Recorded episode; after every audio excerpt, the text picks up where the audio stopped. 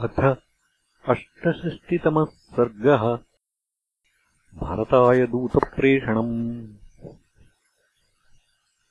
तेषाम् हि वचनम् श्रुत्वावसिष्ठः प्रत्युवाचः। मित्रामात्यगणान् सर्वान् ब्राह्मणांस्तानिदम् वचः। यदसौ मातुलकुले पुरे राजगृहे सुखी भरतो वसति भ्रात्रा शत्रुघ्नेन समन्वितः। तच्छीघ्रम् जवनादूता गच्छन्तु त्वरितैर्हयैः। आनेतुम् भ्रातरौ वीरौ किम् समीक्षामहे वयम्। गच्छन्त्विति ततः सर्वे वसिष्ठम् वाक्यमब्रुवन् तेषाम् तद्वचनम् श्रुत्वा वसिष्ठो वाक्यमब्रवीत्। ये हि सिद्धार्थविजय जयन्ताशोकनन्दन। श्रूयतामिति कर्तव्यम् सर्वानेव ब्रवीमि वः। पुरम् राजगृहम् गत्वा शीघ्रम् शीघ्रजवैर्हयैः। त्यक्तशोकैरिदम् वाक्यः शासनाद्भरतो मम पुरोहितस्त्वाम् कुशलम् प्राह सर्वे च मन्त्रिणः त्वरमाणश्च निर्याहि कृत्यमात्यैकम् त्वया। मा चास्मै प्रोषितम् रामम् मा चास्मै पितरमृतम् भवन्तः शंसिषुर्गत्वा राघवाणामिमम् क्षयम् कौशेयानि च वस्त्राणि भूषणानि वराणि च क्षिप्रमादाय राज्ञश्च भरतस्य च गच्छत।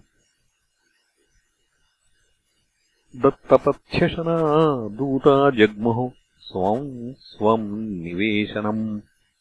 केकयांस्ते गमिष्यन्तो हयानारुह्य सम्मतान् ततः प्रास्थानिकम् कृत्वा कार्यशेषमनन्तरम् वसिष्ठेनाभ्यनुज्ञाता दूताः सम्परिताययुः न्यन्तेनापरतालस्य प्रलम्बस्योत्तरम् प्रति निषेवमाणास्ते जग्मुः नदीम् मध्येन मालिनीम्। ते हस्तिनपुरे गङ्गाम् तीर्त्वा प्रत्यङ्मुखा ययुः पाञ्चालदेशमासाद्यमध्येन कुरुजाङ्गलम् सरांसि च सुपूर्णानि नदीश्च विमलोदकाः निरीक्षमाणास्ते जग्मुः दूताः कार्यवशाद्धृतम्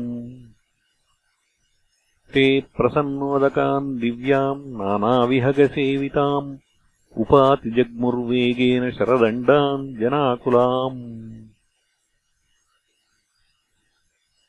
निकूलौ क्षमासाद्य दिव्यम् सत्योपयाचनम् अभिगम्याभिवाद्यन्तम् कुलिङ्गाम् प्राविशन्पुरीम् अभिकाळम् ततः प्राप्यते बोधिभवनाच्युताम्। पितृपैतामहीम् पुण्याम् तेरुरिक्षुमतीम् नदीम् अवेक्ष्याञ्जलिपानांश्च ब्राह्मणान् वेदपारगान् ययुर्मध्येन बाह्लैकान् सुदामानम् च पर्वतम्।